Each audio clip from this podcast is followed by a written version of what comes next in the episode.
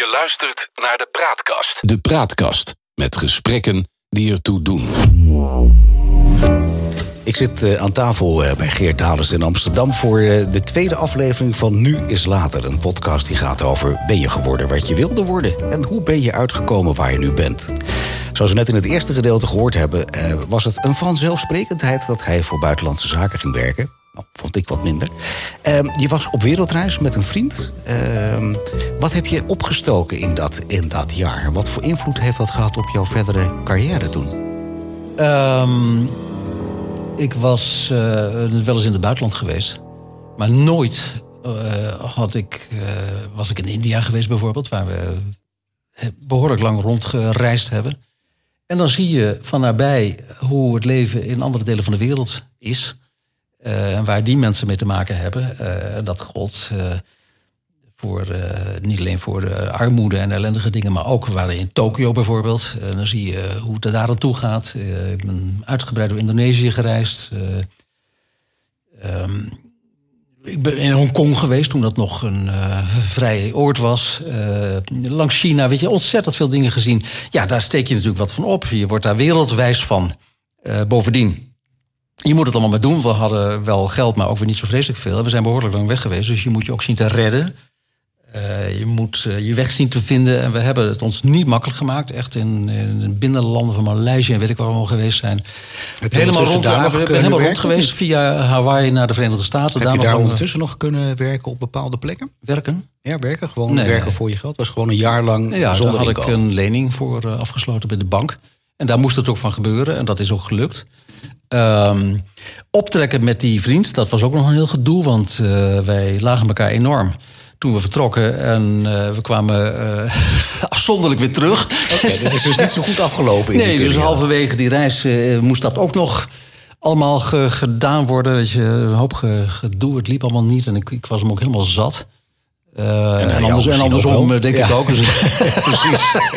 dus ja, dat moet je, daar steek je toch veel van op. Ja. Dus ik kwam gelouter terug, veel gezien, uh, wereldwijd geworden. was je toen? 24, 25? Ja, 5, 5, 25. Ja. 25, ja. Als je, als je zegt van wat de meest drie elementaire dingen die, die jou die reis bijgebracht hebben in wie je nu bent. Kun je daar drie dingen opnoemen? Enorm. Het, vooral de gigantische tegenstellingen die er in de wereld zijn tussen hoe de een en hoe de ander zit. En het, het heb je het dan over cultuur toeval, of over geld? Over alles. Uh, dat heb ik nog steeds. Uh, je zal toch maar, denk ik heel veel, je zal toch maar nu bijvoorbeeld, je zal toch maar ergens in een dorp in Oekraïne geboren worden en daar opgroeien. En, en, en, en dan krijg je ineens een Russische bom op je dak. Het zal je toch maar gebeuren. Dat heb ik dus heel vaak, dat ik denk, oh, wat, wat zijn we toch eigenlijk geprivilegeerd. Dat we dit en, mogen meemaken. Uh, wat een, uh, nou, dat, zit er, dat, dat heb ik daar wel heel erg van gezien. Hoe groot die verschillen zijn en hoe groot ook de factor toeval in het leven is. Eigenlijk in alles. Ja. Uh, dat is al wel het meeste bijgebleven. Ja, en die uiteenlopende culturen. het is toch fascinerend dat op diezelfde wereld waar wij zitten, op maar een paar uur vliegen hier vandaan, je in een totale andere setting terecht kan komen met hele andere mogelijkheden. Wat, dat, vooral dat is eigenlijk wel het belangrijkste wat ik ervan overgehouden heb. Jij zat toen nog in Groningen of was je in de tussentijd over Toen, toen zat ik. Moet ik even denken. Ik denk nog in Groningen. Ik, heb, ik ben van Groningen naar Den Haag gegaan. Uh, maar in die Omdat tijd dat wij reisden, woonde ik nog in Groningen. Ja. En, en toen ben je gaan wonen in, in Den Haag, omdat je voor buitenlandse zaken ging werken. Ja. Uh, hoe lang heb je in Den Haag vertoefd, zoals Tien het jaar. dan heet? Tien jaar nog? Ja. Oké. Okay. Daar geen politieke ambities gehad in die periode? Toen niet, nee. nee. Ik uh, was toen, dat kon eigenlijk ook niet zo goed als diplomaat. En weet je, we hebben zo'n ministerie, moet toch een beetje ja, neutraal blijven. Waar liep je Um, tegenaan? Hoe bedoel je? Nou, je zegt, ik, ik was daar niet zo goed in. Nee, Waar dat zei ik niet. tegen- Dus nee, dus, Oh, dat sorry, kon je eigenlijk dat- niet zo goed. Een beetje politiek actief als ambtenaar van een ministerie. Op die dat manier, dat, dat, dat dat, niet. Nee. matcht niet zo goed, vond ik. Nee. Dat eh, kun je ook anders over denken, maar ik vond dat niet. eh, en ik was daar toen niet zo mee bezig. Ik was bezig met, met buitenlandse zaken, met mijn werk. Ik vond het interessant en leuk. Ik ben weer naar Brussel eh, eh, vertrokken. Daar had ik als student al eh, een jaartje gezeten. En op een dag werd ik eh, overgeplaatst naar de Europese Commissie. Gedetacheerd bij de Europese Commissie. Was ontzettend leuk. Ehm, omdat ik lid werd van de delegatie van de Europese Commissie naar de vijfde of zesde, weet ik niet meer, UNCTAD-conferentie in Belgrado was dat toen. Ja. Dus die VN-organisatie voor Handel en Ontwikkeling. Wat mijn, eigenlijk ook mijn specialiteit was. Ik was er ook op gepromoveerd. Dus het was ontzettend leuk om daarbij te zitten. En als lid van die Europese delegatie. Dus niet een nationale delegatie, maar van de Europese delegatie. Daar mee te doen aan die conferentie. Vond ik leuk, interessant. Ik moest ook in Brussel bij de voorbereidingen. Dikwijls naar het Europees Parlement. Dat was ook nog wel spannend. Dat zei mijn baas. Die overigens was zo grappig, was een Nederlander. Van de Hoek heette de man. Maar hij sprak met iedereen, ook met mij, Frans. Oh. Ook als wij met z'n tweeën waren. Bijzonder. ja, dat was heel bijzonder. En ook, ook wel weer goed, want dan ben je gedwongen om, eh, om die taal goed onder de knie te krijgen. Dan had ik het wel redelijk geleerd. Maar als je eh, dag en nacht Frans moet spreken, dan gaat het echt snel. Ja. En ja. die zei dan, eh, nou, Dales, ja, dat zei hij in zijn Frans. Je moet even bij de commissie zo en zo van het Europees Parlement, want we hebben een van de voorstellen, dat moet daar verdedigd worden. En dan mocht ik dat daar doen. Oké. Okay. Dan zat ik daar met zo'n commissie, met Europese parlementariërs, een of ander commissievoorstel te, te, te verdedigen. Dat was eigenlijk ontzettend leuk. -hmm. Heel, heel leerzaam, heel erg leerzaam. En toen ben ik weer teruggegaan naar het ministerie in Den Haag. Um, en daarna, uh, dan op een dag kreeg je een bericht... nou, er komt weer een nieuwe plaatsing aan. Mm -hmm. En dan krijg je te horen waarheen. Dan word je ja, wel gevraagd van wat zijn je voorkeuren... maar daar trokken ze zich helemaal geen moer van aan. Dus op een dag werd ik uh, gebeld door iemand... en die zei, je gaat naar Hongarije. Oké. Okay. Oh, nou ja, geen, daar was ik nog nooit geweest. En wat moest je daar doen dan? Oh, op de ambassade. En, Gewoon, en... Uh, ik bedoel, als diplomaat, je wordt je op een post neergezet ergens. Uh, en dan krijg je daar een bepaalde functie. was toen nog heel klein, de ambassade in Boedapest. Die is nu veel groter. Er waren drie diplomaten, een ambassadeur en twee uh, jongere diplomaten. En ik was daar de jongste van de drie.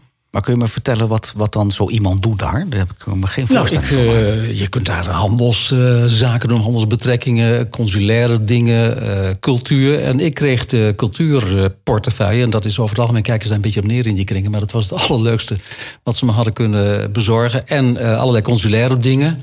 Was ik eigenlijk ook als diplomaat een beetje de... de sparringpartner. En in zekere zin was je ook nog een soort leidinggevende van de administratieve medewerker die consulaire zaken deed. En dat was, heel grappig, de vader van Frans Timmermans.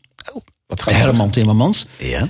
Uh, en zo heb ik Frans ook leren kennen. Want Frans kwam natuurlijk bij zijn vader op bezoek in de zomer. Mm -hmm. Die studeerde toen in Frankrijk. En uh, die kwam dan in de zomer logeren bij papa. En zo leerde ik Frans kennen, waar ik ontzettend goed mee kon opschieten. En toen al dacht, dat vond ik wel grappig, want dat heb ik ook met zijn vader wel eens besproken. Die gaat het verbrengen. Ja. En waarom dacht je dat? Omdat het een hyperintelligent type is, dat zag ik meteen. Ja. Je kan ervan vinden wat je vindt. Ik vind dat hij een indrukwekkende carrière gemaakt heeft. Ja. En uh, toch echt. En die vader van simpele kom af, uit een mijnwerkersfamilie, zo is het ja. gegaan. En dan uh, is de kleinzoon vicepresident van de Europese Commissie. Dat is een geweldige stap voorwaarts, waar zijn vader natuurlijk ook enorm trots op was. Hij is inmiddels uh, overleden, nog niet zo lang geleden. Ik heb nog een briefje gestuurd naar de weduwe. Mm. Uh, en een hele lieve brief teruggehad. En dat was, uh, ja, was leuk. In Hongarije heb ik een geweldige tijd gehad. Ja. Echt een geweldige tijd. En hoe lang heb je daar gezeten? minder lang dan ik had gewild. Ik had er vier jaar willen blijven en toen werden het er drie. Wat is er gebeurd? Nou, er is niet zozeer iets gebeurd, maar dan ga je weer ergens anders heen. Ja, dat klinkt wel heel simpel. Ja, maar zo is het ook. Als je daar langer wil blijven, dan. Maar dat kon niet. Je kon niet langer blijven. Nee, dat is, daar heb je als junior diplomaat geen moer over te vertellen. Er komt gewoon een, een, een, een mail. Ja, dat ging toen geloof ik nog per memorandum. maar iets andere tijd. En dan zeggen meneer, we hebben bedacht dat u in mijn geval naar Den Haag gaat, naar de directie Integratie Europa. Dat stond heel hoog aangeschreven. Als je daar werd neergezet, nou dan was je echt wel in de picture voor de betere banen. Tom de Bruin, de latere minister was mijn chef. Mm.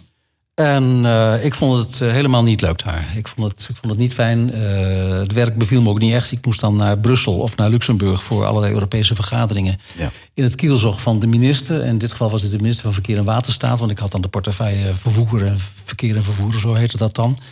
Uh, en dan was er natuurlijk de ambtenaar van het ministerie van VNW was dan in de lead, zoals het heette. En van de andere departementen mocht er dan ook iemand mee. Ik was dan al voor buitenlandse zaken, maar je had eigenlijk niks te vertellen. En dan zat ik bij die, bij die ministerraden. Nelly Kroes was de minister, die zat dan uh, drie meter voor me. Ja. En daarachter zaten dan de ambtenaren te noteren en wat dan ook. En memootjes te maken. En dat was helemaal mijn, mijn ding niet. wat was voor jou het moment dat je zei van... ja, maar dit wil ik niet meer. Kun je wat anders Tot, doen? Nou, dat begon toen. Ja. Dat dit is hier. Maar dat was niet een trigger. Ik vond ook, nou, de trigger was vooral dat ik vond dat je te weinig verantwoordelijkheden, uh, verantwoordelijkheden kreeg. Ehm, ik vond dat ik veel meer uh, aankon dan wat mij werd toebedeeld. En uh, ik vond het een hoop overbodig gedoe. Ik, ik had het daar gewoon niet naar mijn zin. En? Ik zat op het ministerie. Ik verveelde me overigens ook. Uh, ik vond het vrij nutteloos wat ik aan het doen was. En toen ging de dag, op een dag de telefoon. En toen hing aan de lijn uh, Ad Zande de toenmalige artistiek directeur van het Holland Festival. En die kende ik. En ik had eh, als cultureel attaché in Boedapest de hele Nederlandse culturele wereld over de vloer gehad. En dat vond ik heel erg leuk. Een grote culturele manifestatie is er toen geweest in Hongarije. Dus een Nederlands culturele manifestatie. Dus ik kende ze echt allemaal. Um, en toen dacht je, dat is wat voor mij. En die zei, we hebben een uh, zakelijk directeur nodig bij, uh, bij die stichting. Wat niet alleen het Holland Festival was, maar ook nog allerlei andere dingen. Het was een soort paraplu-stichting met, met mm. Van Goghjaar en Amsterdam Culturele Hoofdstad en weet ik veel. En ik dacht, ja, dat is eigenlijk wel leuk. Hoe lang heb je dat gedaan? Dat heb ik drie jaar gedaan. En toen werd ik weer gebeld. Um, ja. Die telefoon is een belangrijk instrument in jouw leven. En toen kwam ja. het directeurschap van een groot cultuurfonds vrij. Ja. En de vraag was, vind je dat interessant? En daar heb ik op gesolliciteerd, moest wel solliciteren. En toen ben ik aangenomen, Fonds voor Beeldende Kunsten, Vormgeving en Bouwkunst heet het. Mm -hmm. uh, tegenwoordig heet het Mondriaan Fonds, bestaat nog steeds. Nog steeds een heel belangrijk cultuurfonds. En daar heb ik bijna tien jaar gezeten. Oké. Okay. Echt in de cultuursector. Echt, ik was helemaal in de cultuur. Ik had ook heel veel dingen daarnaast voorzitter van ZUS en zo. Een lid van, weet ik, allerlei culturele dingen. En die wereld die is mij uh, heel dierbaar, was al zo. Woonde je die en, periode en, nog in Den Haag? Uh, nee, woonde toen woonde ik in Amsterdam. Je bent toen verhuisd naar Amsterdam in die ja, periode? Okay. Voor, toen ik Bert Holland Festival ging werken, ben ik naar Amsterdam verhuisd. Oké. Okay. En, en eigenlijk nooit meer weggegaan met de onderbreking Leeuwarden. Maar voor de rest, uh, ja, en ik heb nog wel op andere plekken gewoon, maar Amsterdam. Vanaf dat moment, dan zitten we in de jaren tachtig, uh, is dat echt mijn uh, stad geworden. En wanneer ben jij politiek actief geworden? in de tijd dat ik directeur van dat fonds was. Um, ik was lid van de VVD al jarenlang, maar deed daar eigenlijk niks mee. Mm -hmm. En toen kwam ik in, in, ik zat in het bestuur van het Zaantheater in Zaanstad. En daar werd toen een nieuw theater gebouwd, was hartstikke leuk. En daar zat Ferry Houteman. Mm -hmm. Die was de fractievoorzitter van de VVD in de gemeenteraad van Amsterdam. En die zei op een dag tegen mij: Is dat niet wat voor jou, die gemeenteraad? En zo, weet ik veel, joh. Ja. Ik was nog nooit in de Stopera geweest. Ja. Uh, nou, zei, je moet eens gaan kijken en misschien vind je het leuk. Want dus ik heb dat gedaan en een paar van die gemeenteraadsvergaderingen bekeken. En dat vond ik inderdaad wel. Uh, je werd er enthousiast van. Uh, en toen ben ik eens met allerlei lui gaan praten. En uh, met de, de, de, voorzitter van de VVD Amsterdam, dat was Edward Ascher, die later nog lid van de Eerste Kamer werd, ja. uh, de diamantair. En, en ja, dan leer je al die mensen kennen en dan wordt het leuk. En, en toen zeiden ze, weet je, je kandideren voor de gemeenteraad. En dat heb ik op enig moment gedaan. In 1998, dus toen was ik al 46. Dus ik, weet je, ook dat kwam bij Later toeval. pas. Nooit over Ja. nagedacht. Nee. En ik kwam hoog op de lijst, dus ik werd onmiddellijk in die raad gekozen. Een paar maanden later was ik fractievoorzitter. En ging de wereld voor jou eh, open? Want het, is, het was toch Nou, of je de politiek in zit of dat je in Nou ja, ik had natuurlijk heel veel ook al wel gezien. En er kwamen ook best wel veel bekende mensen tegen die ik al lang eh, kende. Dus zo vreemd was het ook allemaal weer niet. Eh, maar het ging lekker en goed en ik voelde me daar heel erg thuis. Ik werd fractievoorzitter. Mhm. Na, al heel snel hoor. Ik was nog niet eens zo lang lid van die raad. Ja. Toen ben ik nog ehm, bijna eh, in de doodskist beland. In een geweldig auto-ongeluk voor de deur van de Stopera. Dan zitten we in 1999. Eh, Oké. ben drie kwart jaar, bijna een jaar weg geweest uit de politiek. En toen kwam ik weer terug. Wat had je? Wat was er gebeurd? Ik, ik ben eh, in mijn auto finaal frontaal aangereden door een taxi die veel te hard reed. Ja. Ik heb dat zelf niet meegekregen, want ik was eigenlijk meteen buiten bewustzijn. En toen ik bijkwam, toen lag daar een enorme ravage. Maar hoe het precies allemaal gegaan is, dat weet ik alleen maar van de verhalen achteraf. Mhm. Het verhaal was een taxichauffeur die een tram inhaalde, wat streng verboden is in Amsterdam. Ja. En dat met een snelheid deed van minstens 80, misschien wel meer kilometer per uur. En die raakte mij echt midscheeps. Mm. Dus ik was er slecht aan toe. Ik heb het echt een nauwe nood overleefd. En eh, toen ik eh, weer op de been was, ehm, zitten we begin 2000. Toen kwam er gesodemiede met de zittende wethouder van Financiën, Harry Groen. Die moest aftreden wegens declaratieschandalen. Ja. En toen was daar de vacature wethouder Financiën. Die kon je toen nog niet van buiten halen. Wethouder van buiten bestond toen nog niet. Was nog Nog een even terug naar dat verkeersongeluk. Want dat, heeft dat iets, iets blijvends bij jou veroorzaakt? Nee, ik ben daar weer eh, volledig van hersteld. Maar ook niet qua mentaliteit? Dat je Nou, ja, misschien denkt het leven wat kort is of zo? Ja, natuurlijk denk je dat, ja.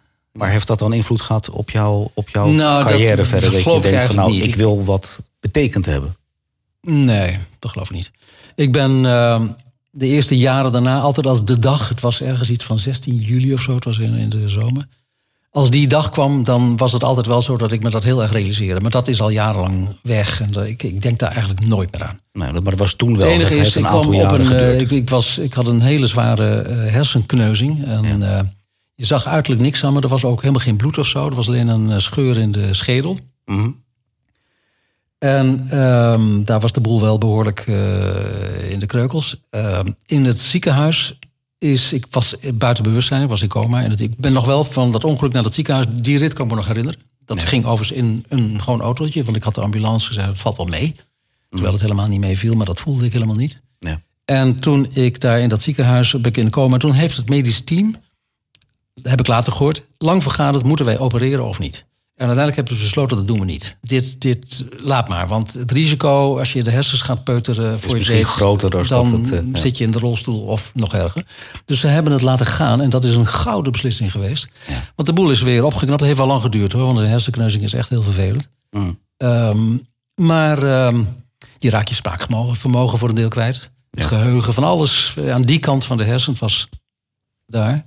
Het was daar. Ja. Voor de, voor de Voor de- kijkers voor de kijkers. Hij wijst de linkerkant van zijn hoofd. Nou, daar zitten allerlei vitale functies. Ja.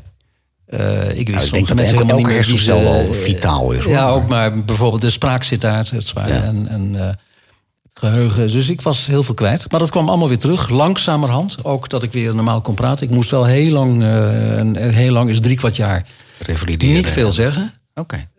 Zo prikkelarm mogelijk. De neurochirurg die dat behandelde zei ook, eh, je moet eh, eigenlijk niks doen.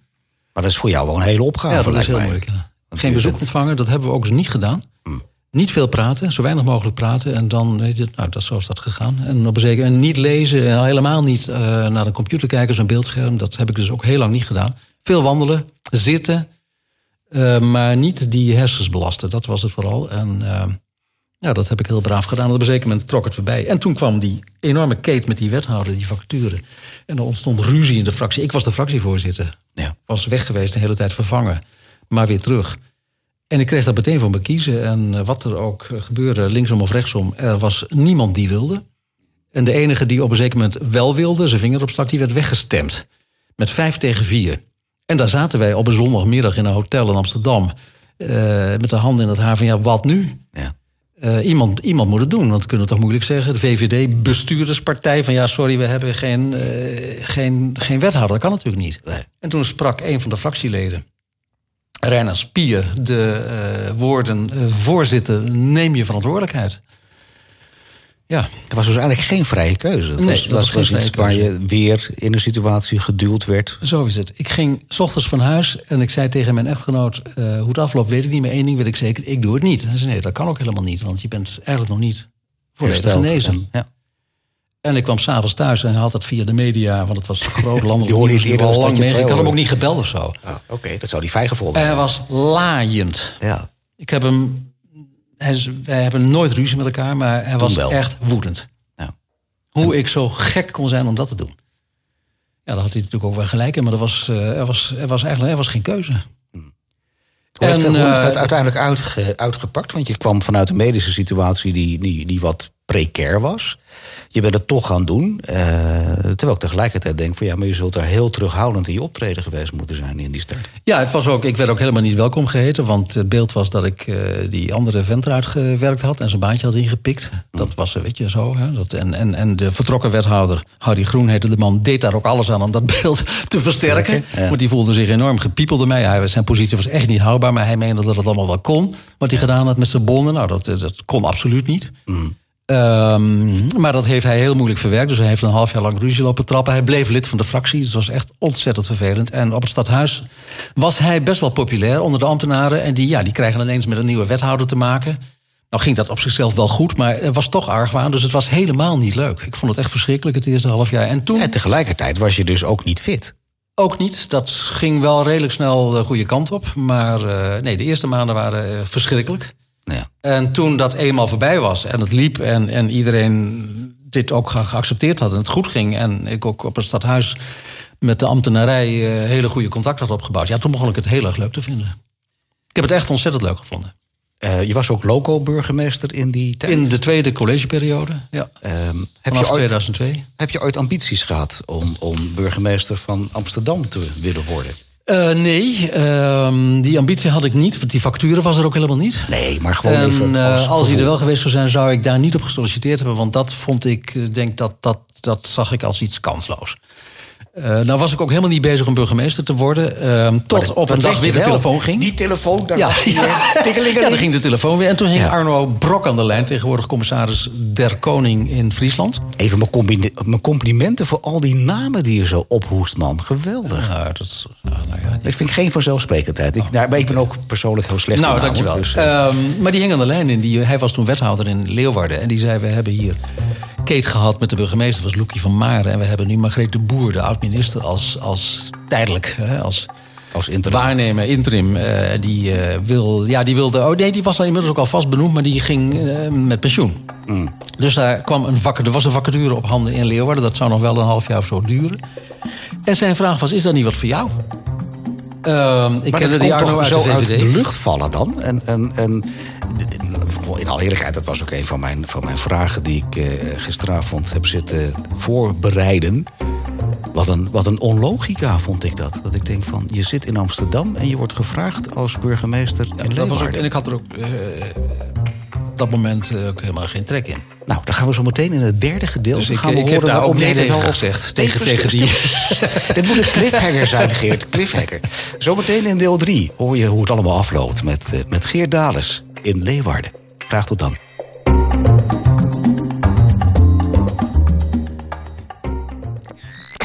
De Praatkast.